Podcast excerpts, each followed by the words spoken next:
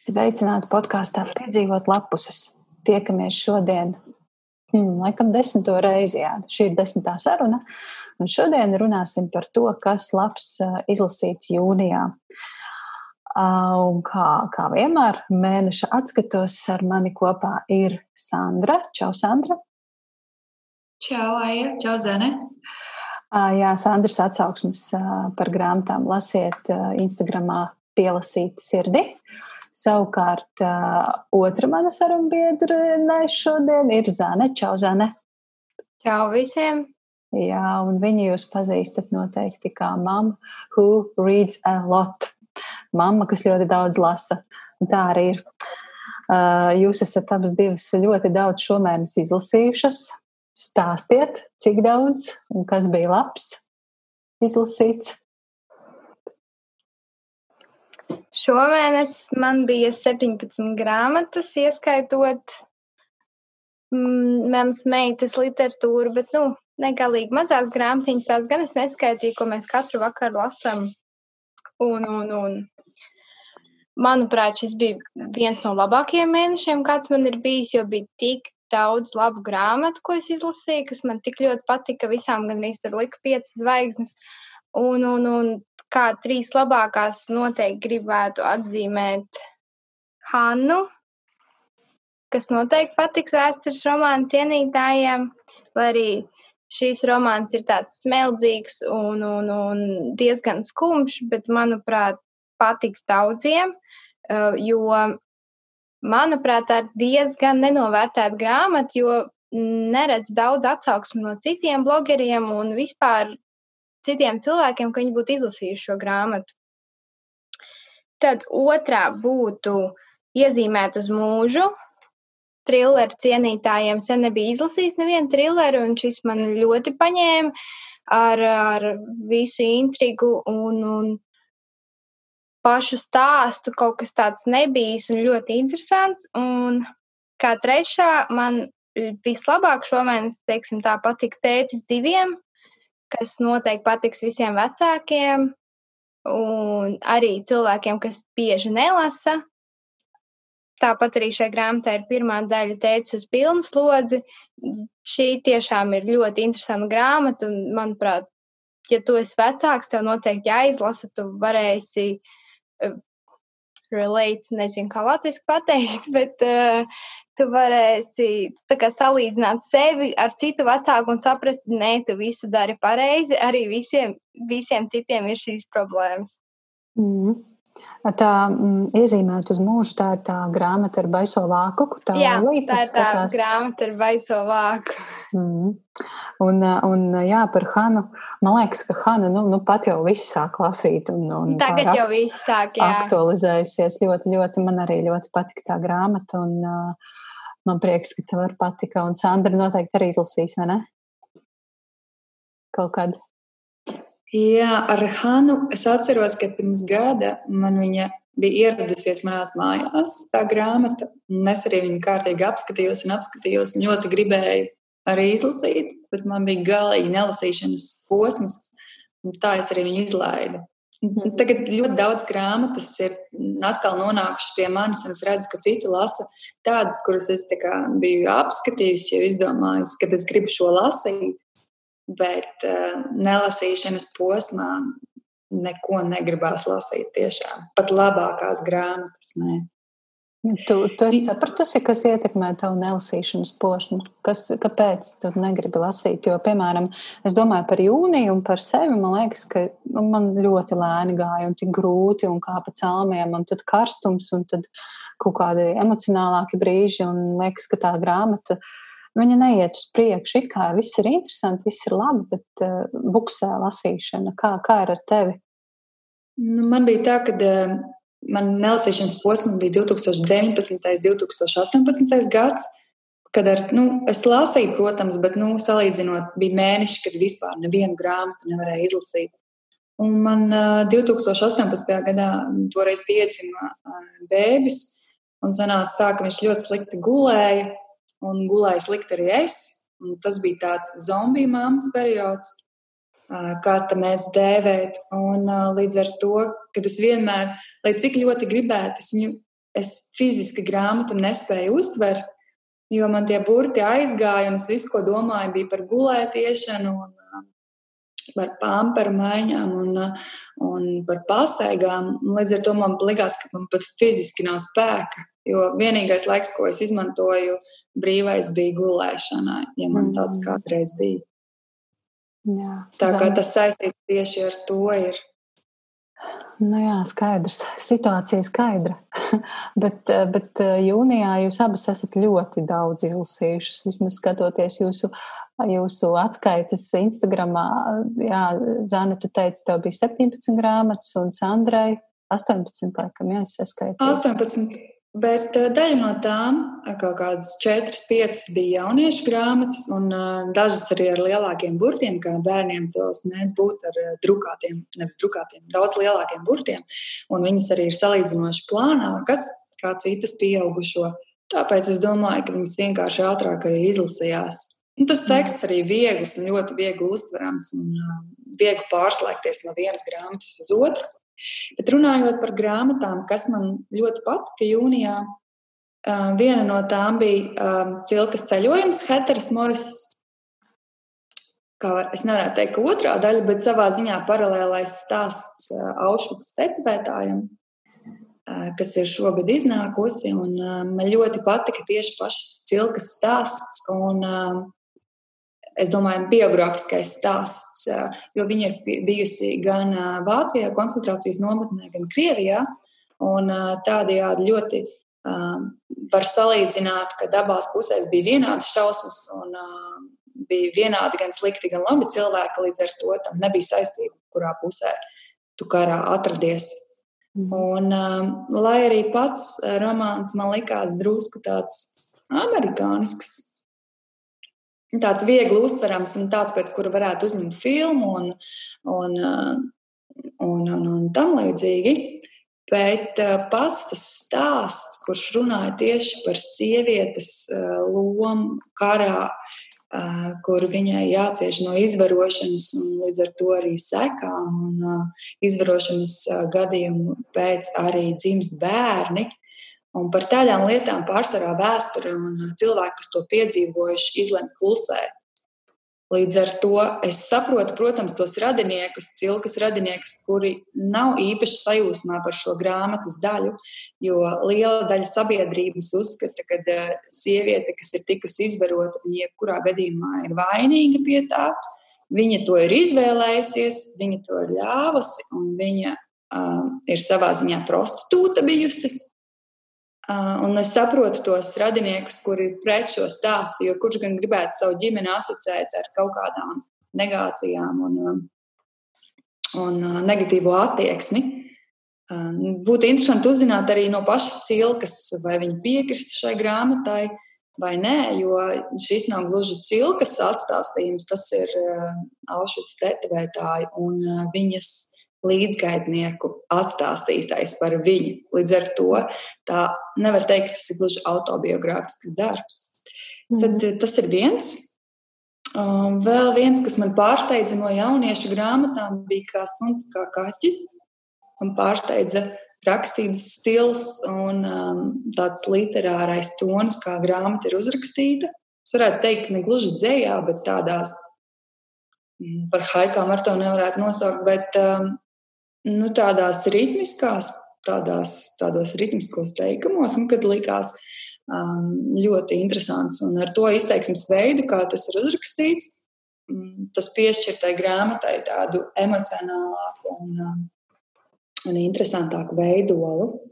Mm. Un vēl viena grāmata ir vēsturiskais romāns Pārbeidzējs, kas ir sarakstīta 50. gadā, bet izdota tikai tagad, 2019. gadā, latviešu tulkota.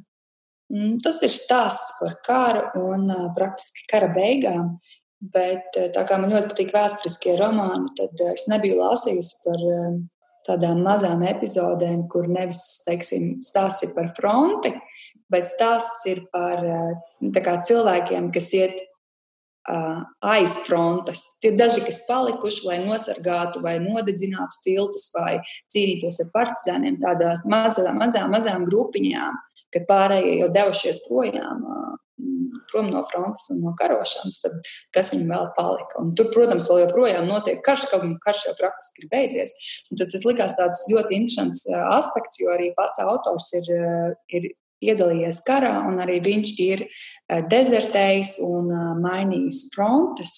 Nu, tur tādā ziņā interesants vēsturisks romāns. Mm. -hmm.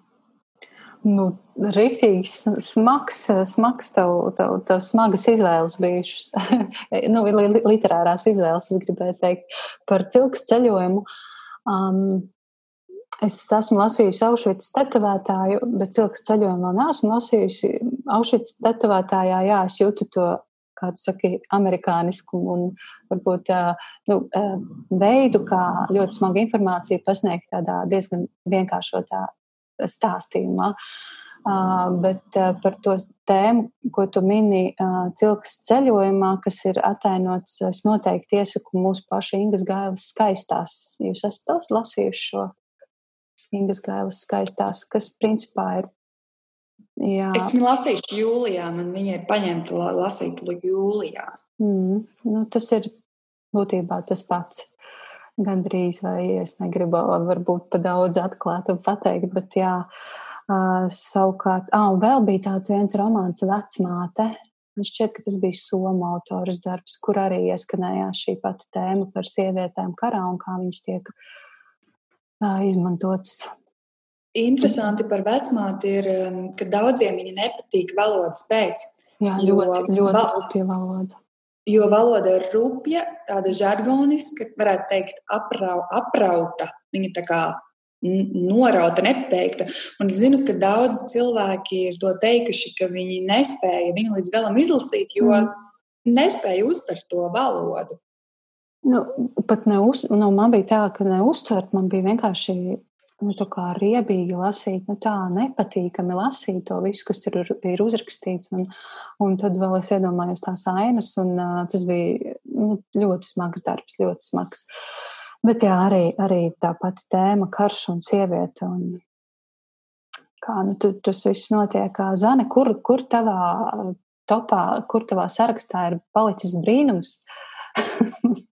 Kurā vietā? Man, Mēs taču vienojāmies, ka trīs top grāmatas. Jā, jā, jā. Šomēnes man ir top sešas grāmatas, jo šomēnes bija tik labs un brīnums ir ceturtā.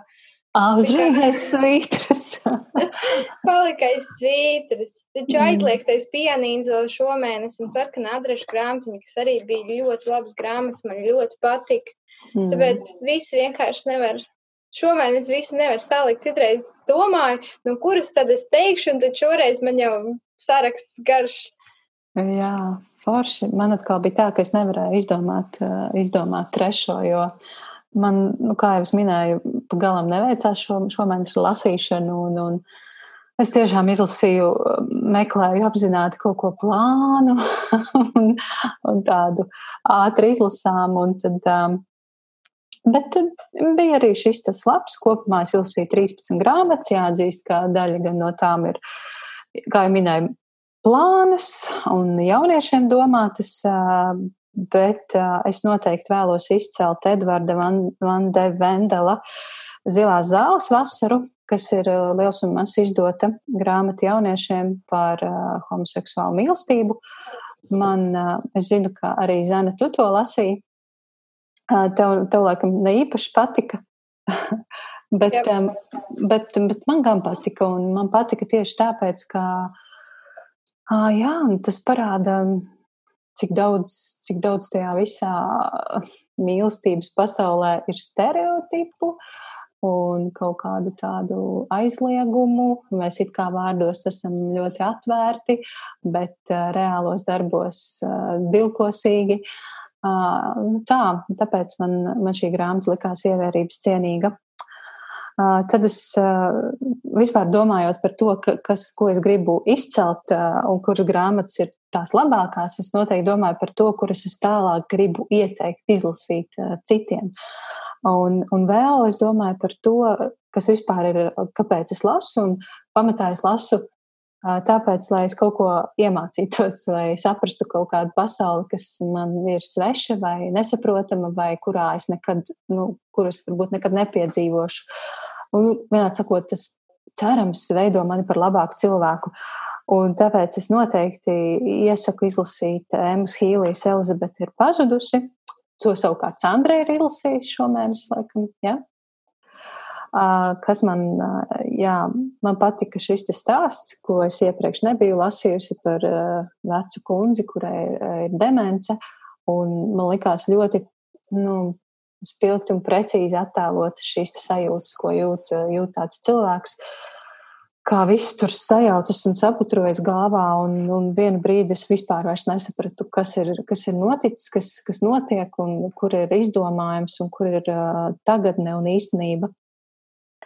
Un tad par trešo, trešo iesakāmo grāmatu es īstenībā nezinu, man svārstās, es svārstos ar diviem darbiem.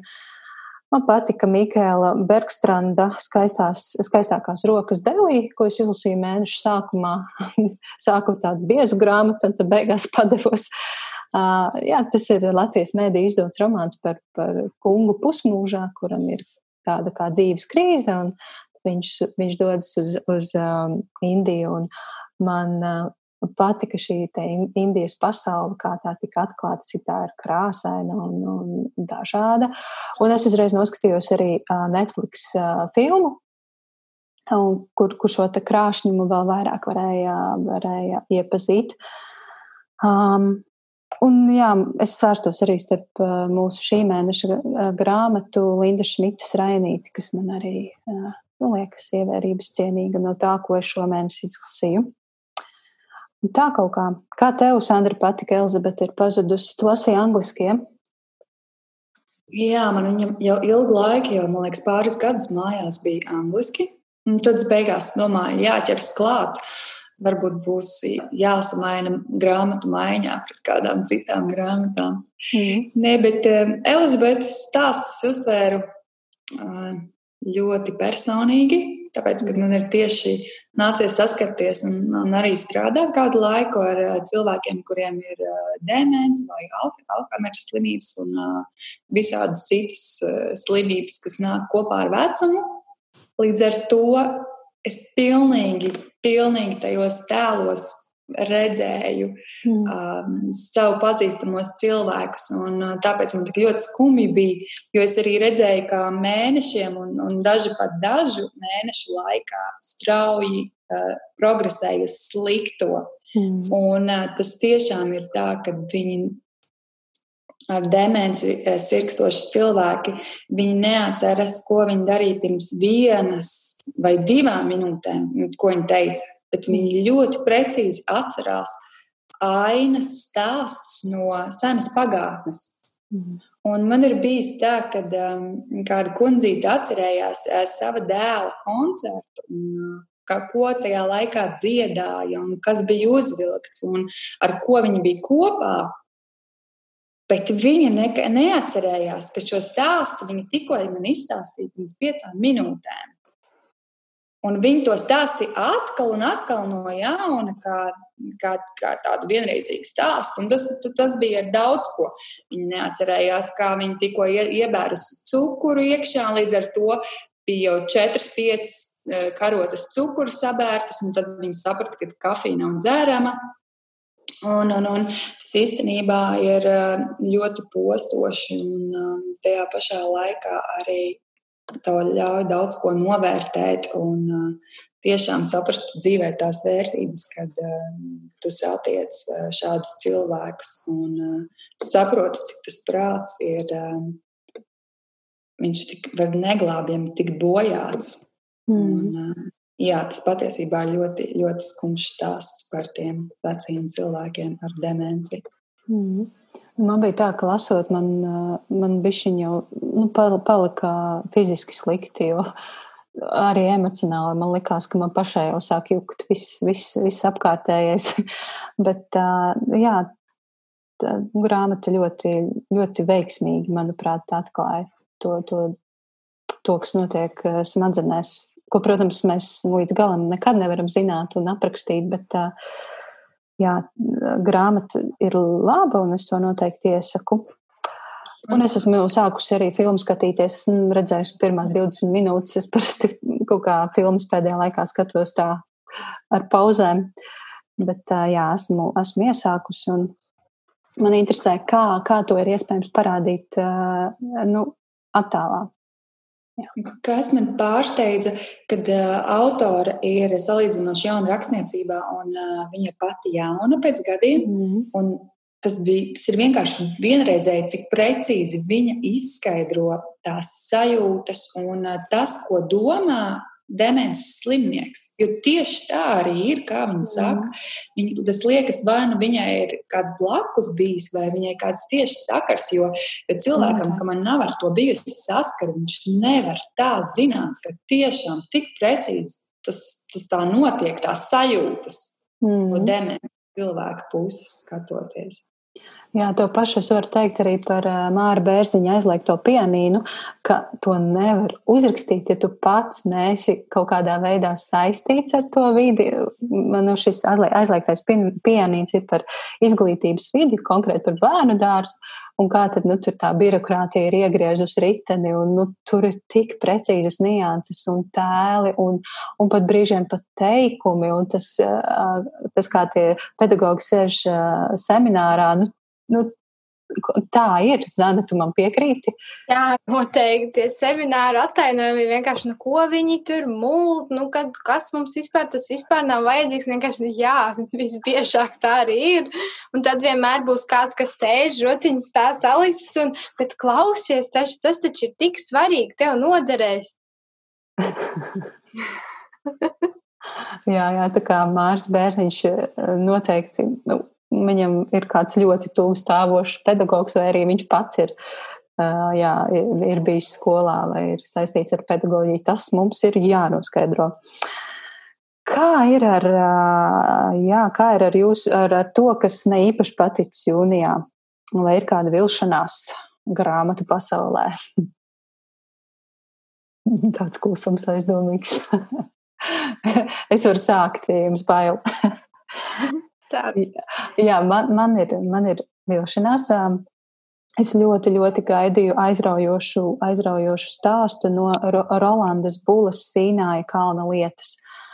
Man, es ļoti cerēju, ka tur būs kaut kādas tādas baisas ainas no sektu darbības, bet tur nebija nekā no tā. Tāpēc es, es biju mazliet vīlusies pēc šīs grāmatas izlasīšanas. Un, un jā, man likās, nu, pat, nu, pa sasteigtu, gribējās kaut kā vairāk, lai ir tieši tas, tas tā detektīva intriga, intriģējošāka. Un, un es, es laikam vienkārši gaidīju pavisam ko citu no šīs grāmatas, biju sadomājusies pilnīgi kaut ko citu. Un, jā, es arī būtu gribējusi, ka, ka Leldē Kovaļovai kāds pasaka, pārlabo, lūdzu, svešiniekiem beigas. Man tās beigas ļoti nepatika. Man tas viss izsita. Man, man liekas, es lasu, oh, tik forši, un ir intriga, un tēli ir nostrādāti, un, un viss un valoda tik raiti iet uz priekšu, un labi uzrakstīts.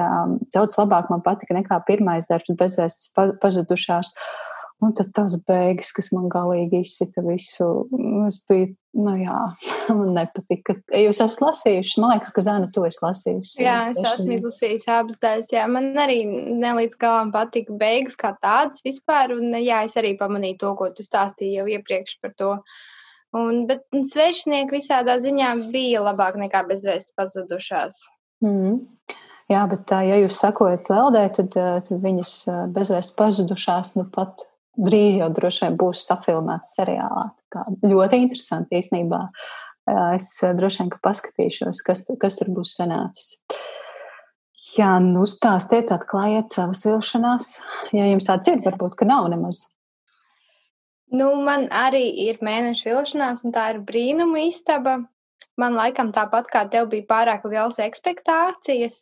Man mm. liekas, vispār nevajag lasīt nekādas atsauksmes vairāk, jo es izlasīju tik daudz labu atsauksmi. Man liekas, jā, un šis būs rītīgi labais, un es pilnīgi noskaņojos, ka es izlasīšu šo, un tad nākamā būs tā, jo viņi noteikti ir tik labi, un es sāku lasīt. Un, nu, jā, nu labi, nu, gan jau tur būs kaut kāda intriga un tā tālāk, kaut kas, kaut kādas emocijas, un es izlasīju, un, un nē, es nejūtu nekādas emocijas no tā darba. Tā kā es zinu, ka citiem ļoti patika, vai nu man nebija īstais brīdis tās grāmatas lasīšanai, vai kā. Protams, skumjš stāsts, it kā ne. Puisis tieši avārijā, māte to redz, puisis ir komā, bet tad man likās, nu, māte atrod viņu kladīti, kur rakstīt viņa sapņi. Pirmām kārtām neatceros, cik viņam bija gadi, tur 12 vai 13 vai ne. No kur tas ir redzēts, ka puisis 13 gados ir sarakstījis jau visus savus sapņus, kur viņš līdz nāvei vēlās to izdarīt. Pirmām kārtām tas, otrām kārtām, ja bērns guļ komā, es nezinu, protams, mācības ir dažādas, vai ne, bet vai es brauktu uz Japānu un tusētu klubā, jo mans dēls to vēlēs izdarīt pirms nāves, nu, es, es īsti nezinu, laikam jau, ka nē. Varbūt tāpēc, ka mana pieredze, manas sajūtas īsti nesakrīt ar šīs grāmatas sajūtām, un tāpēc man šķita, ka nedaudz trūkst īstu emociju. Mm. Nu, es, es to grāmatu esmu lasījusi, jā, un man arī bija tā, man kaut kur tā pazuda pat, pat viss tas stāsts. Es pat neatceros īsti, par ko tas bija. Man viņš likās diezgan nu, tāds, nu, es nezinu, varbūt varbūt gribas izmantot vārdu pat pliekans. Es, es mm. godīgi sakot, biju mazliet pārsteigta, kad ieraudzīju, ka šī grāmata ir iekļauta nu, bērnu. Jauniešu vecāku žūrijas izlasē. Yeah. Nu, iespējams, tas ir šī te, šīs te tēmas dēļ, kā mamma un dēls, un, un, un mēģināšana tikt pāri lielam, lielam traģiskam notikumam. Nu, varbūt tā, tāpēc, jā, ok, tam, tam tad es piekrītu bet saturiski noteikti var nu, atrast kaut ko veiksmīgāku. Vēl man šķita, ka tas vāks ar tām puķītēm, vai ne? Tā kā es iepriekš nezināju, par ko tur īsti būs. Es tikai zināju, ka visiem patika, un es sāku lasīt, un man likās, kāds tam vākam ir sakars ar to, kas ir iekšā. Jo viņš tik mm. skaists, puķains, krāsains, un nezinu, kaut kas mm. man nepatīk. nu jā, Varbūt mēs kaut ko vienkārši nesapratām. Jā, smadzeņu kapacitāte nebija pietiekama šim darbam. Tas, kas mierīgi tā varētu arī būt. Sandra, kā ar tevi? Vai tu atklāsi kādu savu vilšanos, vai, vai, vai tev nebija vilšanos? Mm, es nevaru teikt, ka uh, man bija kaut kāda konkrēta vilšanās, jo varbūt tās grāmatas, ko lasīju, viņam man nebija nekādas augstas expectācijas. Paldies, Zeni, ka tu saki, ka nevajag sekot atsauksmēm. To sakam mēs, kurš raksta atsauksmes. Tā citreiz ir. Ziniet, ziniet nelasiet labi, labi, es tikai jokojos. Um, bet, bet es tam pilnībā piekrītu. Es arī vienmēr mēģinu lasīt uh, grāmatas, kuras man interesē. Es tā kā šķērsām mēģinu lasīt, tik līdz kaut kas vairāk sāk runāt par saturu vai atklāt kaut ko vairāk. Man patīk tie pārsteigumi, tāpēc es mēģinu nelasīt. Es parasti sameklēju atsauksmes pēc tam. Man interesē, vai tas, kas rezonēja ar mani, vai, vai cilvēki redzēja varbūt kaut ko citu, ko es esmu palaidusi garām. Varbūt viņi man pastāstīs kaut ko vairāk par autoru, kāpēc viņš tur ir rakstījis tā un šitā. Tad es parasti vienmēr, kad es izlasu grāmatas, tad es tikai sāku lasīt gudrības, un tad es vēlreiz izēju cauri Instagramā, kur kā, kāds ir rakstījis par to grāmatu, un tad, tad es vienmēr aizēju un apskatos, ko citi par to teikuši. Es parasti mm. nelasu pirms tam. Bet, bet, tas, uh, bet tas ir neiespējami, man liekas, īpaši šobrīd, kad, kad man, piemēram, viss Instagram burbulis ir viens vienīgs grāmatas un, un tās atsauksmes. Es zinu jau visu par šo tēmu um, badspēļu. Pirm, pirmgrāmatu, kas ir jā, visu par, par notiecīgi, nu, kas tajā brīdī ir topā, par to visu runā, un nu, tas ir neiespējami ne, neuzdurties kādam uh, kādam, kādai atsauksmē un neizlasīt to. Un gribas jau visus arī visiem piespiest sirsniņus un atbalstīt un, un iesaistīties kaut kādās diskusijās. Nu, tā. Es viņas nelasu kā visas, pilnīgi burtiski. Es pārsvarā mēģinu viņas tā kā tik līdz es sāku lasīt, kad kaut kas vairāk par pašu grāmatu, teiksim, nu, sižetiski. Es, es to izlaižu, es to nelasu. Es pārsvarā lasu tā kā, nu, kad ir sākums, aptuveni beigas, kur pasakā, šo iesaku vai nē, galīgi garām. Mm. Un arī to galīgi garām es ņemu tā rezervēti, jo, ja tā grāmata man interesē pašai personiski, pēc vāka, vai pēc autora, vai pēc muguriņas, kas ir rakstīts anotācijā. Es viņam kurā gadījumā lasīšu, pat ja kāds būs teicis, ka kā vispār šo var radīt, kurš to lasa, šis ir jāsadedzina. Es tik un tā.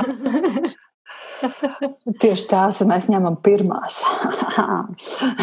Vai ne? Bet ko es gribēju pateikt? Tā nav kaut kāda kritika vai kas, bet par piebildu par mazo valodas grāmatu. Tā ir grāmata par vispār par valodniecību, un tur ir visādas tēmas, sākot no uh, par pašu valodas veidošanos, vēsturi, uh, slēngiem, žargoniem, viss, ko jūs zinat, teiksim, sevišķi āķi, kas mācīsies filoloģiju, kas ir zem, um, kas slēpjas zem vārda valodniecība, tad šī grāmata ir vairāk domāta tādiem bērniem, skolēniem, kas viss tā informācija, ko viņi mācās, viņi ir salikta ļoti interesantā, ļoti izsmeļošā un tādā populāra zinātniskā veidā, ar dažādiem interesantiem piemēriem un un tam līdzīgi. Bet, ko es gribu pateikt, oriģināli šī grāmata ir angļu valodā.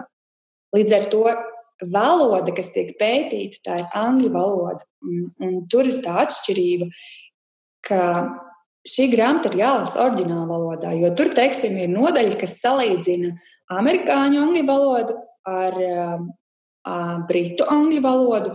Un, kā izrādās, at, vārdiem atšķirās rakstība, pareizrakstība piemēram, color raksta. Um, man šķiet, brītu valodā ar O un U pa vidu, un uh, amerikāņi raksta tikai ar O. Līdz ar to uh, tādas detaļas, nu, viņas pat nevar iztulkot, un viņiem mm. pat nav nozīmes.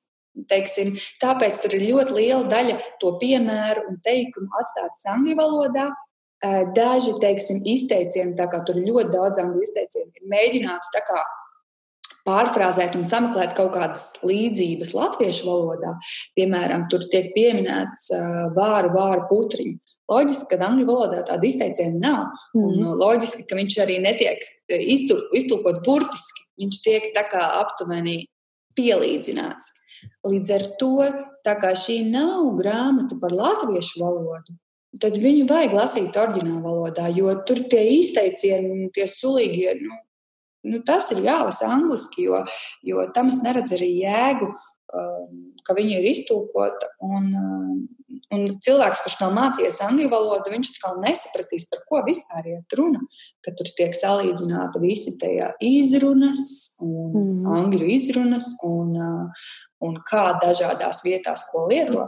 Līdz ar to es ieteiktu lasīt oriģinālu, bet es ļoti gribētu, ka mums līdzīgā veidā, vieglā veidā, nevis teiksim, akadēmiskā stilā, būtu uzrakstīta tāda grāmata, kas skolēniem un jauniešiem izstāsta visu par latviešu valodu. Teiksim, tur būtu iekļauti gan, nezinu, Latviešu valoda vai kā, kā sauc cits dialekts, vai tiek salīdzināts, kad ir dažādi akcenti un Jo tur, teiksim, tiek salīdzināti akcenti skotu, velšu un tam mhm. līdzīgi. Tie, kas nav mācījušies angļu valodu, viņi pat nesaprot, par ko tur iet, nu, par ko tur iet runa. Mm. Nu, skaidrs, tā ir tā mēneša vilšanās. Man šī grāmata ir paņemta no bibliotekas. to es lasīšu jūlijā, cerams, ka tikšu līdz tai. Bet jā, es tavu, tavu iebildi sapratu, un es noteikti piekrītu. Un, ja, ja mūs dzird kāds valodnieks, vai ar valodu tieši saistīts cilvēks, tad uh, mēs iedrošinām rakstīt šādu grāmatu par latviešu valodu. Var, bet varbūt tāda jau ir, mēs tikai nezinām. Valodas grāmatas ir, bet viņas pārsvarā ir tik akadēmiskas, zinātniskas un tieši paredzētas filologiem, akadēmiskajiem spēkiem un tam līdzīgi. Arī pētot latviešu valodu vai žargons un tam līdzīgi, kad eh, parastam skolēnam, parastam lasītājam, viņi ne, nešķiet interesanti. Viņi nav viegli uztveramā veidā. Viņi ir tādi, kur tu izmantos tikai savam zinātniskiem darbām. Mm. Jo tāda populāra zinātniska vismaz es nezinu, ka būtu par latviešu valodu. Nu, skaidrs. Jā, nu skaisti. Man ir skaidrs par jūsu mēneša, viss skaidrs par jūsu mēneša mīļākajām grāmatām un skaidrs arī par jūsu vilšanos šo mēnesi. Pirms mēs ejam tālāk pie nākamās sarunas daļas, es vēlos pastāstīt un klausītājiem atgādināt par podkāstu pieturzīmes. Nu, pat runājām par valodu. Nu, tad es iesaku podkāstu pieturzīmes, jo neviena grāmata, neviens teksts, un es domāju, ka va, neviena valoda neiztiek pie, bez pieturzīmēm. Bet to gan vēl jāpapēta. Katrā ziņā podkāsts pieturzīmes ir par pieturzīmēm cilvēkos, grāmatās un valodā.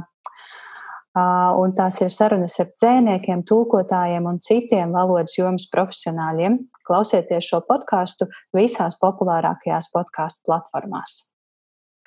Tā, nu laiks ķerties mūsu šī mēneša, ne pagājušā mēneša jūnija uh, grāmatai. Sandra, tu izvēlējies uh, Linda Šmitas uh, grāmatu Rainītis. Atgādini mums, kāpēc tu to izvēlējies? Vai tu vēl pati atceries? nu, es Rainīti izvēlējos uh, no man pieejamām grāmatām un lasot to aprakstu.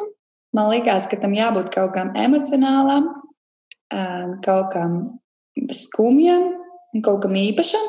Un es kaut kur biju lasījusi kādā laikrakstā, ka tā ir grāmata, kas tikpat ātri, cik uzmirdzēja, tikpat ātri pazuda. Un man ļoti interesēja, um, tieši kāpēc, kāpēc viņa ir eh, tā uzmirdzējusi un pazudusi, un uh, vai saprast, vai tiešām viņa ir tik laba. Un, un, nu, man katrā ziņā ieintriģēja uzzināt, kas ir Linda Šmita, jo es ne, neko nebiju no viņas lasījusi. Jā, es arī nebiju neko lasījusi, un man tas īstenībā bija ļoti liels pārsteigums. Tā kā es tev gribu pateikt, Sandra, ļoti, ļoti milzīgu lielu paldies, ka tu aktualizēji šo rakstnieci un, un konkrēti šo grāmatu Rainītis. Un uh, es jau esmu paņēmusi no bibliotekas vēl vienu Linda Šmitas grāmatu un esmu sākusi lasīt arī, bet par to pastāstīšu vēlāk. Um, Ko mēs zinām par Lindu Šmiti? Sandra stāsti, ko tu uzzināji pētot interneta dzīves? Jā, par Lindu Šmiti nav nemaz tik daudz, kas atrodams internetā. Jo acīm redzot, tā arī ir autori, kas daudz nekur nepu, nepublicējas, teiksim, nekādos mēdījos. Par viņu tiek parādīta informācija tikai, kad ir izdota kāda grāmata. Viņa ir ne tikai rakstniece, bet viņa ir arī skolotāja, latviešu literatūras skolotāja. Līdz ar to tā mīlestība pret literatūru, acīm redzot, viņai jau ir iedzimta ne tikai darbā un kā hobijs, ka tas ir viņas pati būtība. Un, uh, viņa dzīvo Ēdņu rajonā. Viņa ir bebru pamatskolas skolotāja. Un, um, viņai, es domāju, arī vieta, kā ērgļu novadā ir arī dzīvojis Blaumanis un Grots un arī citi rakstnieki. Es domāju, ka viņai tā vide blaumaniskā, kā arī tur ir braki, ka viņa tas ir savā ziņā ietekmējis un iespaidojusies viņa ir, lai rakstītu savas grāmatas. Un vēl viens, protams, kas ir viņu iespaidojis rakstīt šos skumjos stāstus, pārsvarā arī par bērniem, ir, ir viņas skolotājas darbs. Jo tādas kā rainīšas mēs, eh, un viņi noteikti redz katru dienu savā skolā un savā darbā. Viņai ir 12 grāmatas, un viņai ir tikko iznākusi, eh, senāk maijā ar viņu vēl bija intervija, ir iznākusi jauna grāmata, saucas Bez adatas. Un eh, tas ir stāsts par, šoreiz par Rīgu, nevis par laukiem, par no Krievijas atceļojošu sievieti, kura savā ziņā nevar iejusties jaunajā vidē Latvijā. Viņa dzīvo pļauniekos, apmeklē biķernieku mežu, bet viņa nespēja saprast to, to ātrā ritmu un nespēja iedraudzēties ar citā kultūrā. Un viņa mācās tās skumjas pēc baltajām naktīm Krievijā. Un, un, nu, kaut kā tā es nemācīšu vairāk pateikt, jo es to neesmu izlasījusi. Bet tā ir tā, ko Latvijas mēdī ir izdevuši Latvijas romānu sērijā. Es nemācīšu pateikt, kas viņu ir izdevis. Kā tu teici, bez adatas, ja? ah, jā? Jā, jā, jā. jā. Viņa ir šog, šogad iznākusi. Jā, tas ir pavisam kaut kas jauns. Pavisam, un tas ir arī par šeit viņa ir iekļāvusi tieši to minoritāti kā sievieti no Krievijas. Un stāsts ir par to, ka viņa gatavo lupatu lelles, Un viņa teica, ka izvēlējusies krievu tautības sievieti kā galveno varoni, jo viņiem esot oriģināli tā, tā lupatu lēļu taisīšanas tāda tradīcija. Mm -hmm. nu, katrā ziņā liekas interesants stāsts. Jā, es, es gribēju paprecizēt, ka es teicu, ka Latvijas romānu sērija nē, tā, tie ir tagad to sauc vakara romāni, un, un šis te Lindas Šmitas romāns ir konkursa laureāts. Tā kā Latvijas mēdī bija izsludinājuši romānu konkursu, un, un jā, šis Lindas Šmitas bez adatas ir viens no laureātiem, un šķiet, nu pat nu pat svaigi izdots. Tā kā, jā, varam lasīt. Ko es vēl, jā, un ko es vēl gribēju pateikt? Kad kādā ievas intervijā jau daudz, daudz gadus atpakaļ, kad viņai tika izdots tikai pirmā grāmata, Ilza Indrāna teica, es varu nocitēt, ko viņa teica, kad ir viena skolniece, kas nāk aiz manis, un tā ir Linda Šmita. Linda ir rakstītāja, un viņa ir rakstījusi studijas darbu par Lazdu Laipu, tādā ziņā viņas arī ir komunicējušas. Un uh, Ilza Indrāna saka, ka domā, ka viņa būs rakstniece. Un es varu dzīvot mierīgi, jo Linda raksta aiz manis. Mm -hmm. Tad sanāk, ka kaut kādā ziņā Ilza Indrāna ir bijusi kā savu veidu skolotāja un uh, katrā ziņā uh, darbu, uh, Linda Šmitas uh, darbu, teiksim, varētu teikt, viņa saprata viņa, viņa darbus un novēlēja, lai viņai tā rakstniecība tālāk arī virzās. Un pati Linda Šmita, viņa saka, ka viņai ļoti svarīgi rakstīt tā, lai viņas valoda būtu bagāta un latviska.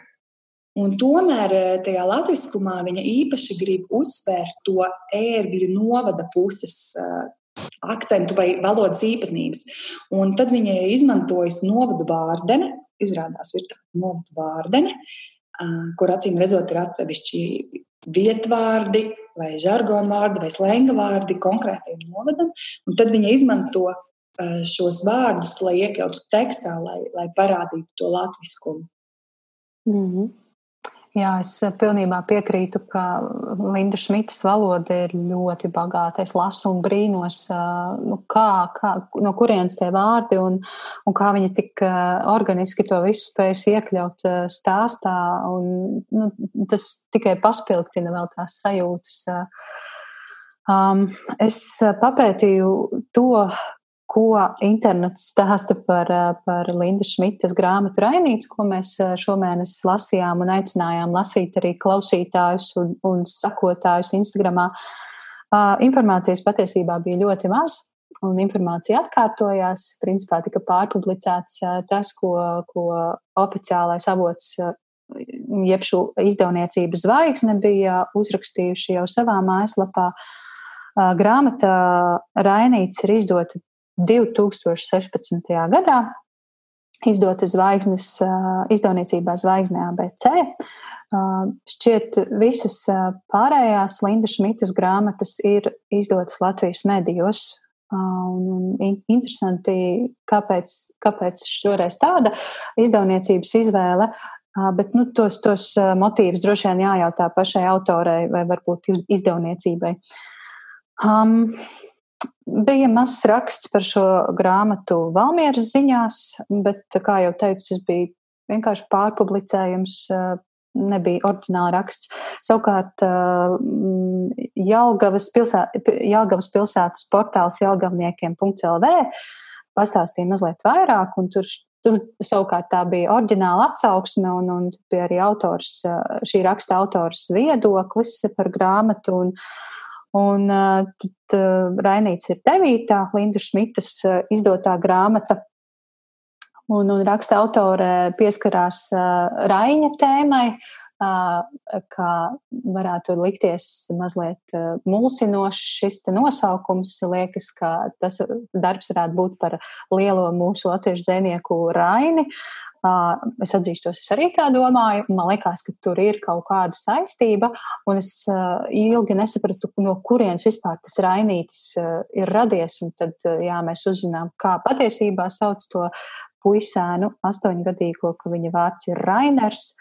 Un šis rainīts ir kā tikai atvasinājums. Es ceru, ka es nestāstu pārāk daudz informācijas liekas, bet tas šķiet nav nekas tāds ļoti, ļoti būtisks. Um, Kaut gan, kā Jelgavniekiem .lv raksta, raksta autore, šī raksta autore atzīst, līdzība ar Raini ir jūtama kaut vai tajā mm, nesaprastībā, tādā mazliet citā, citādumā, šis puisāns ir eh, ar ļoti lielu sirdi, plašu dvēseli, un, eh, un viņā visu laiku ir šī urdošā vēlme radīt, radīt mākslu, eh, ne tikai tēlniecību, kas viņam ir ļoti, tēlniecībā, kas ir ļoti tuvu, bet arī rakstīt, un, un protams, arī tāda skumja un bēdu pilna dzīve ir līdzība ar lielo, lielo raini. Um, Jā, tas, tas ir tas, ko es atradu. Un, protams, tur ir uzsvērta arī autors personīgā pieredze, ko jau tu, Sandra, minēji, ka autori ir skolotāja. Un, un tas ir tas, ko es, ko es gribētu pajautāt pašai Lindai Šmitei. Ja viņi strādā skolā, um, nu, tad nu, viņi strādā, man liekas, jā, ar, ar tādu mazliet parautu dvēseli vaļā, jo tik, eh, tik dziļi sajust visus tos bērnus. Eh, es, kā jau minēju, es lasu vēl vienu viņas romānu šobrīd, un tur, tur, tur arī tā līnija ir ārkārtīgi skumja. Nu, nu kā, kā ir strādāt skolā un sajust, un pēc tam uzrakstīt to visu? To es gribētu pajautāt pašai autorei. Aija, Jā. tev jāizaicina Linda uz podkāstu. Un tad tu varēsi, un arī mēs uzzināsim atbildes uz šiem jautājumiem. Nu, tieši tāpēc es esmu ķērusies klāt Lindas eh, Šmitas daļradē, jo, jo es, es ceru, ka kādreiz mums šī saruna, ša, sa, saruna sanāks un izdosies. Tā kā gaidīsim, gaidīsim. Jā. Zane, ko, ko saka uh, grāmatu blogeri un, un lasītāji par šo grāmatu? Ko tu atradi, kādu, kādu informāciju tu mums vari pastāstīt? Un tad mēs droši vien uh, dalīsimies ar savām sajūtām, vai mēs piekrītam vai nepiekrītam. Par Rainīti atsauksmi nebija daudz, kā jau, kā jau tā arī likās, ka nebūs, jo iepriekš vispār neko nebija dzirdējis par šo darbu. Bet aplikācijā Gudrīts um, nebija daudz atsauksmi, bet lielākoties visi bija uzrakstījuši vismaz, uzrakstījuši vismaz pāris teikumus par to, kā viņiem patika, kas patika un kā viņi jutās. Protams, mēs trīs izlasījām, tad no šīs atsauksmes es atradu. Un, un Instagramā un blogos vēl es atradu ausru.lv um, atsauksmi, ka Rainīts ir ļoti īpaša grāmata, jo spēj aizkustināt tik dziļi, dziļi līdz kaulam, tā ka sāp. Šie vārdi it kā no grāmatas, bet it kā arī tās ir tieši tās sajūtas, kas man bija lasot šo. Tad, protams, bija arī Ilza Mežā lasa atsauksme. Viņa rakstīja, ka viņai gājas grūti lasot, un ka viņa lasīja, lika atkal nost, un tad ņēma atkal, jo teikumi bija ļoti, ļoti tāli priekš viņas, bet tajā pašā laikā ļoti, ļoti tuvu. Un es domāju, ka arī šādi mēs noteikti varam saprast, par ko ir grāmata. Ja arī tu neesi saskāries ar šādu bērnu vai šādu situāciju, vai tev ģimenē nav neviens tāds, bet tu tik un tā sapratīsi, jo tu esi dzirdējis par šiem bērniem, kur kā rainītis, tāpat es kā skolotājs uzreiz man uzreiz bija asociācijas ar kādu bērnu, ko es pazīstu. Un noteikti zini kādu, kur mamma vai tēvs ir aizbraukuši, un, un bērns ir palicis šeit pie Omītes. Un vēl es atradu Annas Petravicas, nezinu, vai es pareizi izlasu uzvārdu, jo Instagramā jau galotnes, nevis galotnes, bet mīkstinājuma zīmes īsti nav. tā. Uh, izlasot grāmatas anotāciju, jau bija sagaidāms, ka būs emocionāls smags stāsts, bet negaidīju, ka Rainītis, Rainītis iekodīs tik sāpīgi arī man. Tas arī noteikti man bija tāpat sāk lasīt, nu jā, par mazu bērnu, labi, un tad kož, kā Rainīts var kost, vai ne, viņš ir astoņgadīgs puika, kam tad viņš kož sākumā vēl nesaprata, tiešām tā kā puika vai ne, vai Rainīts ir kaut kāds, nezinu, dzīvnieks viņam tam puisim vai kā. Un tālāk. Sandra noteikti pati savu atsauksmi pateiks. Cerams. Nelasīšu. Bet uh, Rinalds aplikācijā Gudrīts raksta, traģiski. Šis ir emocionāli, fiziski smagnējs darbs, kas koš sāpīgi, koš kā rainīgs, koš visiem, uģim, mimim, maricai, zanai, kurai koš visstiprāk un man pašam. Visi runā par košanu, bet uh, tieši tā ir, ir, ka rainīgs iekoda visiem lasītājiem un visiem tēliem grāmatā diezgan spēcīgi. Jā, kaut gan pats šis rainīšu tēls ir ārkārtīgi maiga būtne un, un tik ļoti, tik ļoti mm, maigs emocionāls puisāns. Un vispār mēs īsti neesam pastāstījuši, par ko ir šis stāsts, par ko ir grāmata. Mazliet iezīmējās jau tas tā sižeta līnija. Rainītis ir principā viens, gandrīz viens, nevienam nevajadzīgs. Māma ir aizbraukusi prom strādāt Anglijā. Savukārt tētis ir izvēlējies dzīvot citā ģimenē un rūpēties nu jau par citiem bērniem. Un, jā, un Rainīts ir tāds, viņš dzīvo pie vecās mammas, kas savukārt prot, prot rūpēties bet eh, neprot īsti izrādīt šo mīlestību. Viņai tā mīlestības izrādīšana notiek eh, tā skarbi. Um, jā, es pa palasīju to, ko Austra rakstīja, un uh, man patika viņas teikums, ka rakstniece raksta ar spalvu, kas mēcēta dvēselē, nevis tintē. Un, uh, nu, jā, tas ir tas, ko jau es minēju. Kā var tik, kā var tik atkailināti just nu, tos bērnus, tik dziļi sajust un, un atklāt viņu pasauli. Um, Sandra, pastāsti tu, ko tu domā par šo grāmatu. Kā tev, kā tev bija lasot, ko tu jūti, ko tu domāji? Man pirmām kārtām pārsteidz rakstības stils. Es nezinu, ar ko salīdzināt, jo visi tie tēlēnie izteiksmes līdzekļi bija tā lietoti, kas apliecina emo, emocijas un teiksim, tās darbības, viņš bija tāds, nu, nu, nu man liekas, ļoti interesants. Viss tas, tas veids, kā tie vārdi un, kā teiksim, dusmas, viņa raksta nevis dusmas, bet tā vecā māte čūskiņas nāk ārā un ložņā atkal dusmu čūskiņas. Un, un viņš ar tiem izteiksmes līdzekļiem panāk tekstā pilnīgi citu ritmu, pilnīgi citu emocijas, pilnīgi citas. Un tas man bija pirmais, kas man ļoti pārsteidza. Tas nebūtu nenozīmē, ka to tekstu uzreiz ļoti viegli izlasīt. Jo tā kā tas teksts ir tāds tēlēns, un tajā pašā laikā arī um, viņš nav tiešā nozīmē saprotams. Viņš tā kā pārnestā nozīmē ir līdz ar to viņā vairāk vajag iedziļināties tajā mm. tekstā. Un, protams, jo, jo tālāk es rainīti lasīju, jo vairāk es iegāju tajā tēlā, un jo vairāk man uz emocijām un uz uh, to viņa sāpju visā iznesās, ka viņš pilnīgi progresēja tas stāsts. Viņš tikai kāpināja, kāpināja, kāpināja emocijas.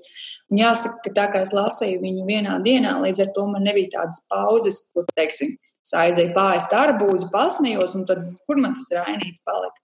Līdz ar to Tāpēc es rakstīju, kad, kad es aizbūtnēm raudāju, jo es viņu vienkārši lasīju kā, nu, no, no grāmatas iedziļināšanās sākumā, grūts teksts, interesants teksts līdz, līdz tai sāpei. Un, un viņš man pilnīgi pārņēma un arī raisīja tās emocijas, kuras, kurām es pat nebiju gatava. Jo es, tas nav tā, ka es katrā grāmatā gribu raudāt, un, un arī ciltas ceļojumā es neraudāju. Tā nebūtu nav, kad es raudu pie katras grāmatas. Bet eh, tieši tāpēc, ka es nebiju taisījusi pauzes tai grāmatai, šī grāmata man, man ļoti, ļoti emocionāli aizskāra. Mm. Jā, vairākas atsauksmes uzsver šo te interesanto izteiksmes veidu. Arī Ilze, Ilze Mežā lasa to pieminēja savā atsauksmē, un es piekrītu. Sākumā noteikti pie tā ir jāpierod, pie, ši, pie, šī, pie šiem te teikumiem trešajā personā. Mm, ļoti tēlēniem teikumiem, jā. Kas man varbūt mazliet, mazliet traucēja vai nepatika, bet es to arī nevaru tā īsti izskaidrot. Man, man ļoti man nepatika tas, ka autore jau, nu, jau pirms, ne, pat ne pirms, bet ar pirmajiem teikumiem es sapratu, kurš te ir cietējis, kuram ir grūti. Un, uh, kā, nu, variantu nav. Nu, nav, nu, mēs, mēs visi lasām, saprotam, ka Rainītam ir ļoti slikti un nu, viss ir slikti. Un, bet teksta, teksta laikā, darba laikā jūtamas kaut kādas tādas gai, gai, jūtam gaišie stāriņi un šī jaunā ģimene, kas veidojas. Un, jā. Bet man kaut kā, man likās, ka autori mēģina man iežēlināt. Un tas man nepatika. Man gribētos, lai es pati līdz tam žēlumam nonāku kaut kādā veidā, nebūtu, nezinu, kādā. es nezinu, vai jūs sapratāt, ko es saku. Man bija līdzīgas izjūtas, tāpēc es saprotu, ko tu saki. Uh, man arī likās, ka viņš tā kā, bet, nu, Tā kā mani jau nemīl mamma, tā kā it kā viņš grib pie tās mammas, bet mani nemīl mamma, un nu, ne mamma, zane. Man vienkārši nepatīk tā runāt par sevi, jo man sauc zane. un, um, jā, es arī jutos tā, ka viņš mēģina iežēlināt, un tā kā īstenībā jau ir kā astoņgadīgs bērns, vai ne? Un loģiski, ka viņš mēģina iežēlināt, lai viņu apskaļo, lai viņu samīļo, lai viņš sajustu mīlestību. Un, jo ikdienā pēc lasītā noteikti viņš viņu nesajūt. Protams, ir viņa moma un ir viņa onkulis, bet nu, tā nav tāda mīlestība. Tāpēc viņš tā pieķerās pie skolotājas, kas noglāst viņa galvu jo ikdienā viņš nesaņem šos, kas parasti bērniem ir pilnīgi normāli ikdienas darbības, apskāviens, noglāstīt galvu, iedot buču un liekas, kas tur tāds ir, bet, nu, ja tu to visu nesaņem, tad droši vien jūties, nezinu, iztukšots un tukšs, nevienam nevajadzīgs. Jā, es vēl gribu. Jā, Sandra, stāsti. Es vēl gribēju piebilst, ka es to stāstu izjūtu, ka viņš kā astoņgadīgs bērns nesaprata, kāpēc mamma kā saka vienu, ka viņa ļoti ilgojas un gribētu pie viņa aizbraukt. Bet kāpēc viņa to mīlestību neizrāda? Viņš to tiešām nesaprata. Jo pēc principa viņš mīl to mammu, neskatoties ne uz ko, bet tajā pašā laikā tās mīlestības jau nav. Tu nevari gluži visu laiku mīlēt cilvēku, kurš tev reāli nu, nepastāv. Jo arī tā komunikācija caur internetu bija tik reta un, un tik tāda nekāda, ka tās mīlestības jau nav. Un viņš kā astoņgadīgs bērns, viņš vienkārši nesaprata. Viņam tā tā mīlestība bija, bet īsti nav arī kam to iedot, jo tā mamma īsti neņem pretī to mīlestību.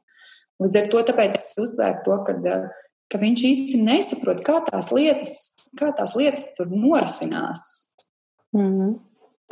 Uh, par to nesaprašanu, manuprāt, ļoti labi uh, autore mazliet iezīmēja to, kas ar Rainīti varētu notikt uh, vēlāk, tad, kad viņš pieaugtu, jo tur iezīmējās tas tāds naids, naids pat ļaunums pret savu māmu, un, un mazliet iezīmējās arī um, nu, tāds dumpīgums attiecībā pret klases biedriem vai pret skolotājiem. Uh, nu, tā, tā, tādas mazas niansītas, ka tu saproti, nu, ka tās vienkārši ir sekas uh, tam, ka māte ir vienkārši, vienkārši vienaldzīga pret pašas bērnu, ka pret, pret, pret viņu principā nu, tuvākie cilvēki ir vienaldzīgi. Un man patika jā, šī nianse, kā autori to ir tā nemanāmi, bet tomēr nu, es to sajūtu to pieaugšanas stīgu. Zana, tu pati esi skolotāja. Es arī esmu bijusi skolotāja, un es nezinu, kā tev, bet es esmu saskārusies ar šādiem bērniem, un, un viņi, nu, ar bērniem, kuriem vecāki ir prom, vai nu viens vai abi vecāki ir prom, un tad tas bērns paliek ar veco mammu. Un šie bērni ir totāli apmulsuši. Viņi ir tā kā, viņi, viņi, nu, viņi tiešām nesaprot, kas notiek kā, kā viņš ir atstāts viens. Un, un tas apmulsums ir jūtams arī šajā grāmatā par Rainīti un paša, pašā Rainītī. Viņš burtiski nezina, kur skriet, kur, kur iet, kā būt, ko darīt. Nu, jā, Zana, vai tev ir tāda pieredze bijusi ar šādiem ar bērniem atstātiem? Jā, ir. Kaut arī es neesmu bijusi klases audzinātāja, nekad tu uzreiz vari just, Mm. Vai šī mīlestība ir ģimenē un vai nav? Bieži vien arī tā mamma vai tētis ir tepat Latvijā, bet uh, tas bērns tik un tā dzīvo pie omes, jo, nu, nezinu, kāpēc citreiz man tas nav izprotams, bet uh, Un to uzreiz var just, un citreiz, kad uh, liekas, nu kāpēc, nu kāpēc tas bērns tāds cits ir tāds, kad viņš noteikti grib apskaut tevi ik brīdi, tu ej viņam garām, tu viņu jau piekto reizi satiec, bet viņš grib tevi apskaut, jo tu esi skolotāja un tu esi laba pret viņu, un viņš cenšas kaut kādu maigumu dabūt sev. Un citi atkal ir tieši pretēji, viņi ir kā naidīgi, viņi neko negrib un nesaprot, priekš kam vispār viņš te nāk, priekš kam viņam nāk te mācīties. Vēl es esmu dzirdējis frāzi, es tāpat paaugšos un braukšu tur, kur mamma ir, un es strādāšu tur. Mm. Patiesībā jau viņš nevis grib tur strādāt, viņš vienkārši grib pie tās mammas vai tēta. No, jā, Tāpēc, es ar šito es esmu cīnījusies savā klasē kaut kādā brīdī, kad mēs runājam par karjeru un nākotnes izvēlēm. Cik šausmīgi daudz grib uh, braukt tur uz Angliju, uz ārzemēm. Un es saku, bet kāpēc? Jums taču šeit ir visas iespējas. Un, bet, nu, nu, es nesaprotu to, ko tie bērni jūt. Un, uh, un nu, viņi savus sapņus saista ar pavisam kaut ko citu. Un, jā, tā nu tas ir. Es arī esmu dzirdējis šo frāzi, un viņi saka, nu, kā mācīties. Tāpat aizbraukšu uz Angliju, tur tāpat var nopelnīt vairāk un tā tālāk. Un es kā angļu valodas skolotāja viņam saku, nu jā, draudziņ, tad, nu, tā kā vismaz angļu valodu tu varētu, vai ne, ko tu tur darīsi? jā, Bez bet, angļu valodas. Bet, bet, nu, pat jau šī mm, krīze, ko negribas vairs vārdā saukt, ir visas, man liekas, tā pamatīgi ap, apstopējusi un, un mm -hmm. liek pārdomāt vispār, kas ir kas un kur skriet un ko darīt. Jā, vēl kādas pārdomas. Austrija savā atsauksmē rakstīja, ka tā ir viskaistākā grāmata, viskaistākais darbs, kuru nācies lasīt. Kā ar jums? Nu, es nevaru teikt, tas ir skaistākais darbs. Katrā ziņā viņš man ļoti spilgti emocionāli uzspieda pa īstajām vietām, jo tēma patiešām ir reāli aktuāla, reāli, ko mēs varam redzēt, un tajā pašā laikā, ko mēs neredzam. Jo viens ir tad, kad tu pasaki, nu, tur kaimiņš pie vecās mātes dzīvo, vecā māte slima, viņa nevar parūpēties, un bla, bla, bla kad mēs reāli nezinām, ko tas nozīmē tam bērnam tur dzīvot. Jo tās vecās mātes, viņas jau, viņas jau arī nav spējīgas vairs parūpēties. Viņas, tāpēc tie bērni bieži vien no vecās mātes nonāk pie onkuļiem, un no onkuļiem nonāk uz bērnu namiem, un vēl kaut kur aizdodas projām. Mēs jau nezinām, kā tas ir. Bet, bet, protams, es tā nesaku, mans labākais darbs, jo man ir dažādos žanros, dažādos posmos bijuši gan dažādi īsti, teiksim, īpašie autori, īpašās grāmatas.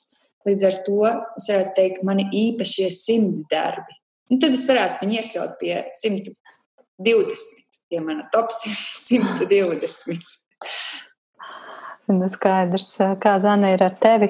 Tu, tu biji mazliet skeptiskāka, man, man šķiet, ja, savā, savā atsauksmē. Es biju nedaudz skeptiskāka, jo es parasti šādus darbus nelasu, kā jau rakstīju. uh, not my cup of tea. Nu, esmu citu žanru cienītāja, bet uh, tik un tā sapratu rainīšu sāpi. Uh, esmu šokā, ka kāds var tik labi izklāstīt kāda cita sāpe tikai ņemot vērā novērojumus. Nu, šoreiz par autoru runājot. Vienīgais, kas man darbā, pat nevienīgais varbūt, es īsti nesapratu, kas man darbā traucēja, teikšu tā, bet uh, jūtu vēl to, ka uh, mamma nav, mamma ir Anglijā, mammai vienalga, tēts jau bija turpat blakus. Bet uh, bērns kaut kā reizēm tā pieķerās tai mammai, vai ne? Un nav aizvainojumi pret to tēvu. Man likās, nu, bet kā, nu, kā nav aizvainojumi pret tēvu, mammu, tad tev vismaz piezvana.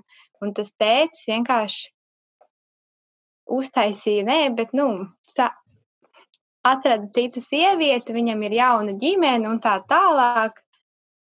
Un man vienmēr nepatīk, ka grāmatās tiek akcentēta mamma kā tā sliktā, ja viņa pamet bērnu, bet vīrietis, viņš aiziet, un tas jau nekas, viņš aizgāja, un nekāda lielā bēda, jo tam bērnam jau vajag gan mammu, gan tēti.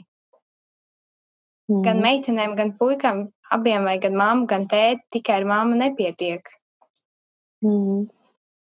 Jā, nu katrā ziņā bērniem vajag to mīlestību. Un, un, oh, es vairs nezinu, kas, kas bija tas, kas to rakstīja. Man šķiet, arī Austra savā atsauksmē, ka mēs mazāk, mums vajadzētu mazāk dot, glāstīt eh, šos te telefonus un pirkt gadgetus kā vecākiem, bet pašiem noglāstīt to galvu un, un samīļot uh, savus bērnus, un tad viņi augs priecīgāki un uh, laimīgāki.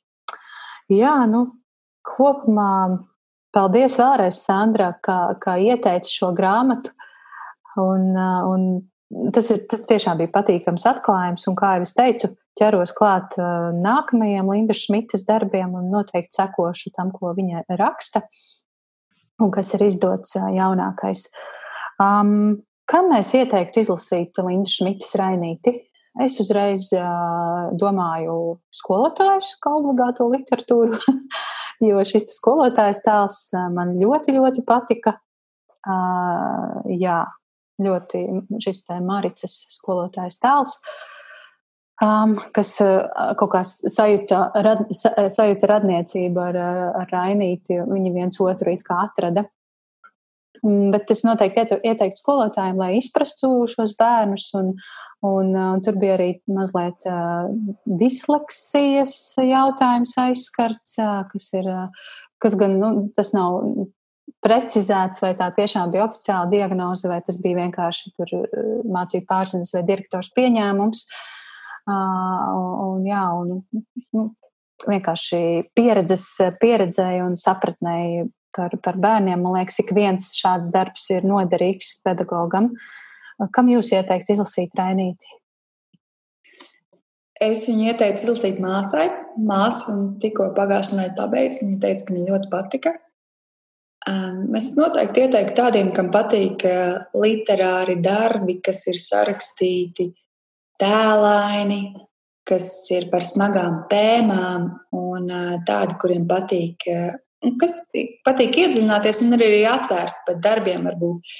Ka viņiem liekas, ka dzene, tu teici, ka tas nav tavs žanrs, bet tu esi atvērta.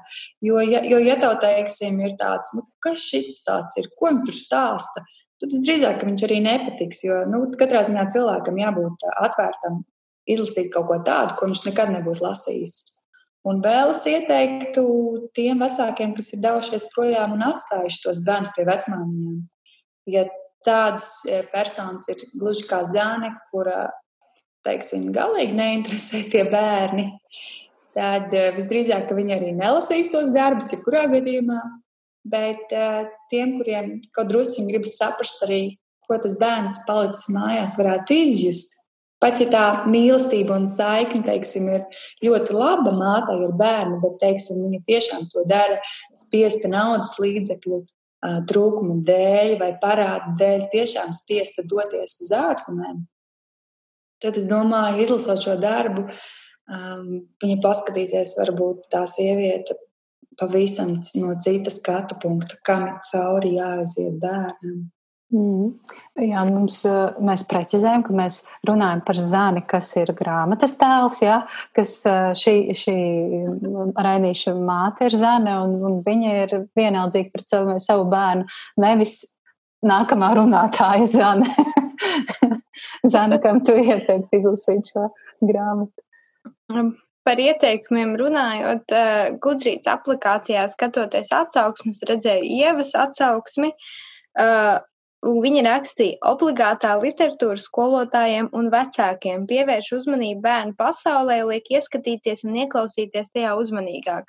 Un šīm es simtprocentīgi piekrītu vecākiem, gan mājās klātesošiem un mīlošiem un rūpīgiem vecākiem, gan vienkārši vecākiem, gan tiem, kas aizbraukuši, kā arī skolotājiem, lai jo skolotājs jau arī ir gandrīz tas otrais vecāks, kas uh, saņem to bērnu uz astoņām stundām dienā un audzina viņu un arī mīl viņu un uh, arī sniedz vismaz šo mīlestības sajūtu kaut uz tām astoņām stundām dienā, jo bērnam tas ir ļoti svarīgi. Viņam var būt mīloši vecāki, bet ja viņš aiziet uz skolu un skolā viņu nemīl, tā arī var būt trauma.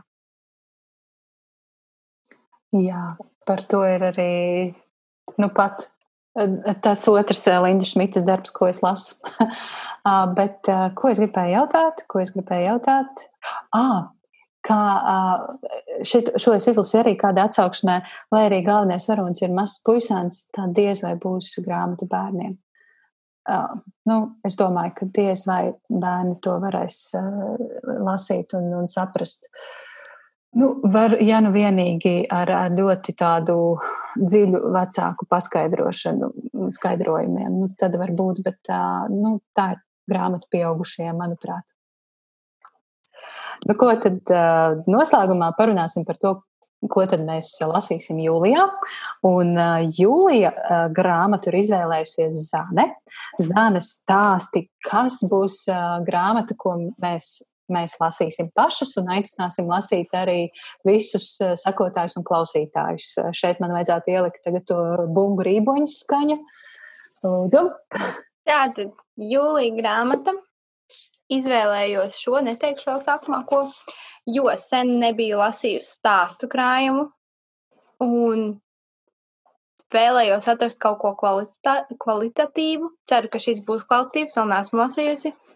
Kā arī paskatoties uz autori, sapratu, ka esmu lasījis jau viņas triloģiju kaut kad sen, sen apakaļ. Tātad šī mēneša grāmata ir Salla Simukas, ieslēdz gaismu, izslēdz gaismu, stāstu krājums, kas lasāms no abām pusēm. Uh, Saula Simuka ir sarakstījis arī, manuprāt, to sauc par Sniegbaltītes triloģiju. Vairs neatceros, bet atceros, ka lasīju, atceros, ka patika, neatceros, par ko tur bija, bet atceros, ka patika. Tas jau ir labi. tas, tas bija sen, tāpēc tas būs attaisnojums man, ka es neatceros. Bet Ieslēdz gaismu, izslēdz gaismu ir apkopot desmit skaisti un desmit šausmīgi stāsti par gados jauniem cilvēkiem. Tātad šī grāmata ir jauniešiem, bet tā kā šomēnes centīšos vēl vairāk pievērsties jauniešu un ārzemju literatūrai, izvēlējos šo stāstu krājumu, kuram ir ļoti skaists vāciņš. Un es ceru, ka šis vāciņš attaisnos manas cerības, nevis tā kā brīnuma istaba. Un lasīsim kopā. Ceru, ka arī citi lasīs un varēsim padalīties ar to, kā patika, kas patika, kāpēc patika, kas nepatika. Jā, nu lieliski. Es jau nevaru sagaidīt. Pierakstījos rindā bibliotekā, varbūt, ka mēneša laikā tikšu klāt šai grāmatai. Uh, jā. Ko, ko mēs eh, vēl lasīsim jūlijā bez, eh, bez saules simu, kas ieslēdz gaismu, izslēdz gaismu? Kādi ir jūsu jūlija lasīšanas plāni? Stāstiet, rādiet savas kaudzes. Jā, droši zani. Labi, jūniju jau iesāku. Jūniju, jūlijas jau sen ir zana. Jūliju iesāku ar cilkas ceļojumu, ko Sandra jau izlasīja. Izlasīju pāris lapas puses. Vakar nevarēju pieķerties lasīt, jo man likās, ka riktīgi graudāšu, tāpēc darīju visu iespējamo, tikai nelasīju, mazgāju traukus, māju un vispārējo. bet pašā vakarā pieslēdzos, bet kaut kā miegs nāca, tāpēc netiku diezko tālu. Tāpēc, kad Sandra sāka stāstīt par to, kas viņai patika un nepatika cilks ceļā, man bija tāds, nē, es neklausīšos, lai man nav atkal ekspektācijas. Bet šo es ļoti gaidīju. Cilks ceļojumu jau kopš es uzzināju, ka būs. Man, bija, man to vajag, un es nevaru sagaidīt tāpat kā pats spēles. Mm. Abas pie abām tiku tālāk. Atkal Sandra. Jūlijā es lasīšu pārbeidzēju, kaut vai izdevusi Jumava. Zanes mīļākā izdevniecībā. Pēdiņā. tas, tas bija sarkasms, jo man patīk vēsturiski romāni un Sandra man uh, teica, ka esat labais. Tad, ja nebūs labais, tad es jokoju, es jokoju. Man liekas, ka man patiks pēc aizmugurītes spriežot. Tātad Zikfrīds Lens pārbeidzējis vēsturisks romans. Tad beidzot pusotru gadu, man liekas, vai varbūt mazāk, uh, stāvēja bibliotekā rindā, nu, nestāvēja gluži, bet pasaku stāstnieks man beidzot ir, es ļoti ilgi gaidīju rindā uz šo grāmatu. Man liekas, es tikko biju uztaisījis blogu Instagramā, kad es sāku stāvēt rindā šai grāmatai. ļoti ilgi. Bet beidzot es izlasīšu pasaku stāstnieku. Bet tu neizskatās nemaz nolasīta. Tad jau es nezinu, tad laikam kāds ir gadu turējis viņu mājās un neļāvis man palasīt. Mm. Tālāk, kas mums te vēl ir? jauniešu literatūra. Tās bija trīs grāmatas ko, no pieaugušo nodaļas. Un šis ir jaunums, uh, Zvaigznes ABC, lasīt prieks sērijā, rēks uz divriteņa. Mm. Vienkārši, lai pievērstos jauniešu literatūrai, gribu palasīt, kas te labs ir iznācis. Ja būs baigi labais, došu tālāk brālim, kurš mans grāmatas krauj kaudzītē un citreiz arī izlasa. Tu teici, kaut kad vienā no sarunām, tu teici, ka iedevi viņam uh, ķiršu koku lasīt. Ko tu nē? Jā. Vai Jā, viņam iedevu gan ķiršu koku, gan 14, 14, mm. gan zaļo gradzenu, gan vilka mīdzeni. Viņš izlasīja zaļo gradzenu un izlasīja pa 50 lapas pusēm no visām pārējām grāmatām, ko es viņam iedevu. Mm. Kopā savāds Bet... tīri pieklājīgs. Beigās tīri pieklājīgs apjoms, jā, priekš 13 gadīgi puiši. Um, bet uh, zaļais gradzens viņam toreiz patika, bet nepatika pirmā nodaļa, bet ka viņam patika pārējās divas, tas jau bija, manuprāt, jau sasniegums grāmatai, ka 13 gadīgs puisis, kam, kam šī, nu, kā grāmata arī it kā domāta, vai ne, ka uh, viņam arī patika, jo bieži vien ir tā, ka tur ir 12 plus pieņemsim, un tad tie 12 gadnieki, kas tas pa sviestu vispār nevar saprast, kas te rakstīts, bet pieaugušie, jā, riktīgi labais, man patika, un tā, nu, patiesībā tas nav domāts 12 gadīgiem jauniešiem, ka mm. atkal novirzījos no tēmas. Es jā, skatos, ka tev rokā ir grāmata, ko es esmu izlasījusi jā. pirms gadiem dažiem. Šo es arī diezgan ilgi gaidīju bibliotekā rindā. Un, uh, ah, es aizmirsu pateikt, ka tā jūs pārējie jau neredzēs par zarnu šarmu. Džūlija Endersa. Stāsts par nepietiekam novērtētu orgānu. Mm. Nedaudz smieklīgs nosaukums, bet uh, kāpēc ne? Katru mēnesi aizvēlās arī kāda viena nedaļa literatūras grāmata, lai paplašinātu savus horizontus. Jā, viss. Dē, man ir vēl čūpa ar angļu valodas grāmatām, bet par tām es nestāstīšu. Labi, Sandra, kas ir tavā lasīšanas plānā? Nu, ir tā, ka visu jūliju es būšu savā dzimtajā pusē, un man būs pieejama biblioteka.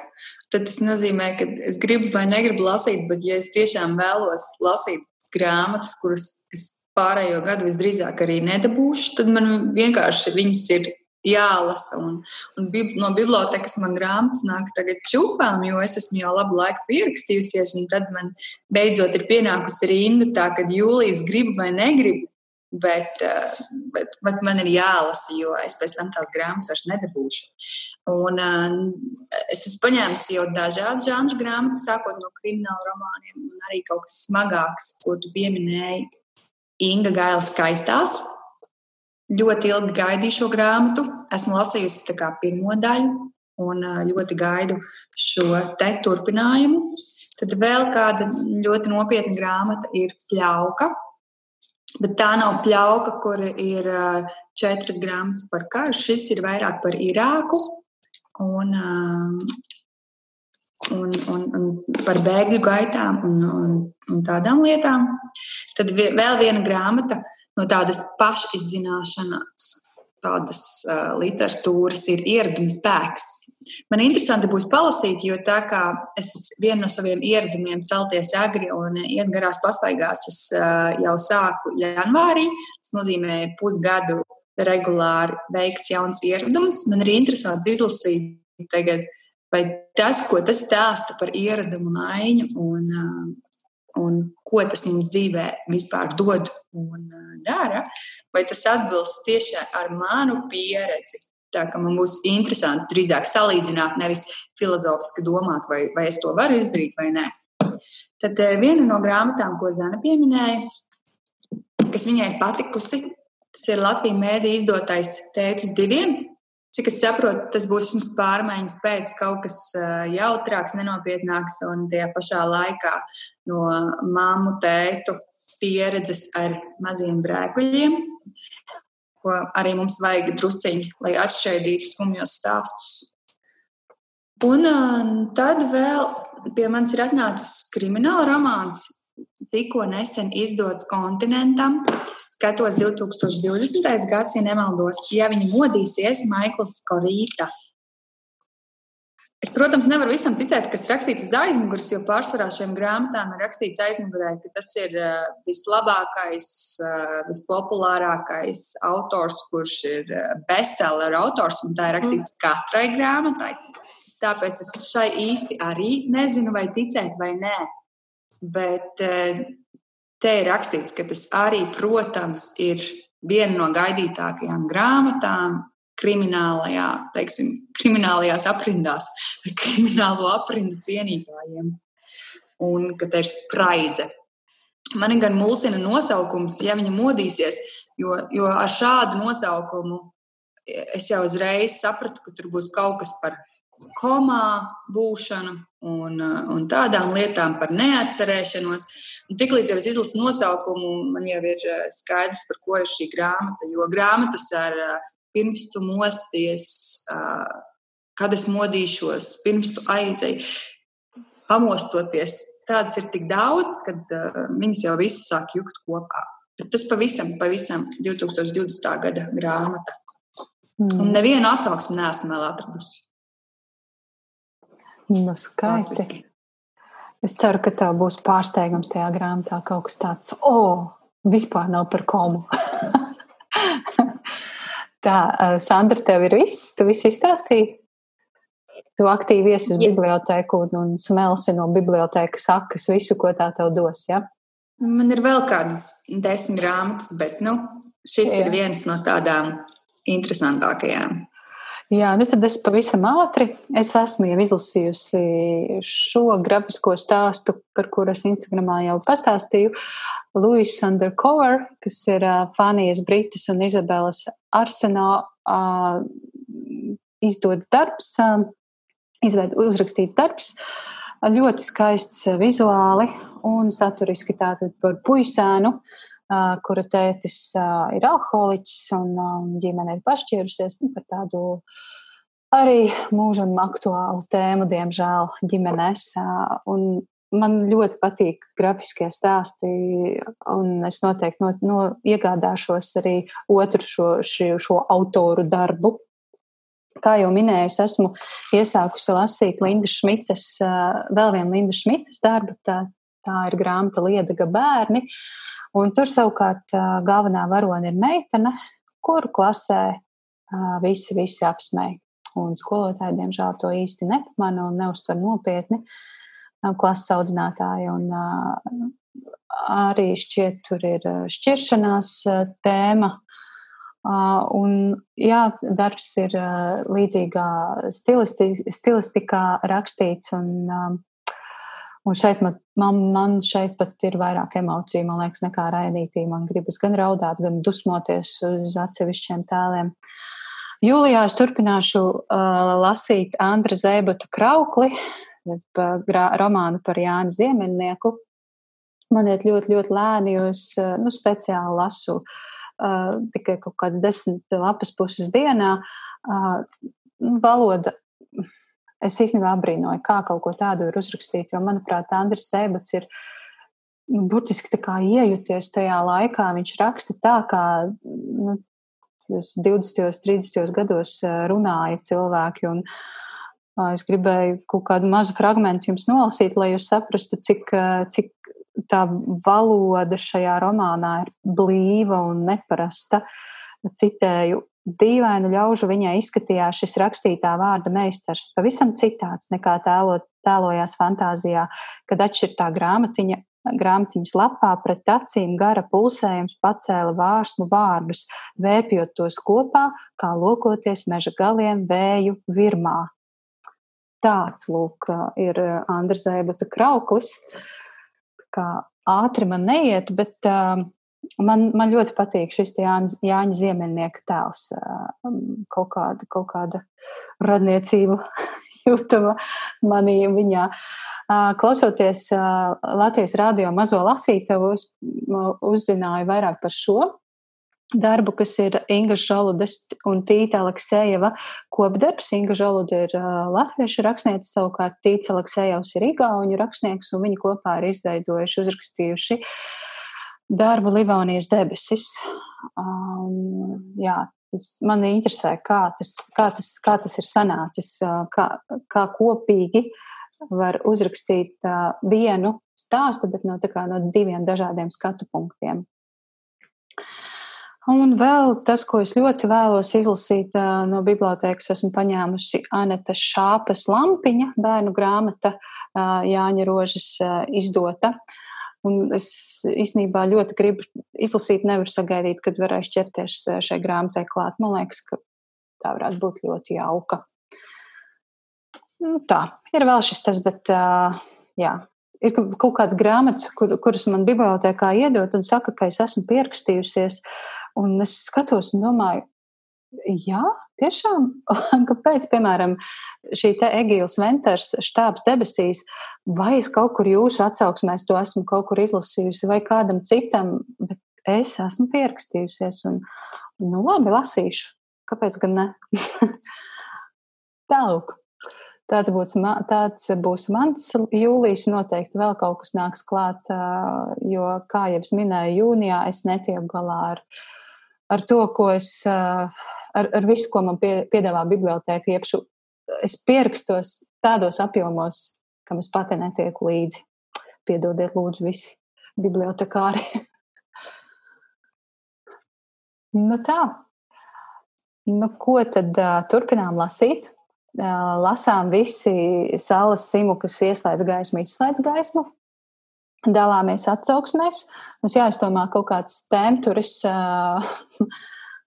vai, vai, vai kaut kāds, jā, kaut kāds vienojošais elements, lai mēs pēc tam varam atrast visas atsauksmes. Bet, nu, katrā ziņā to pagaidām nebija tik daudz.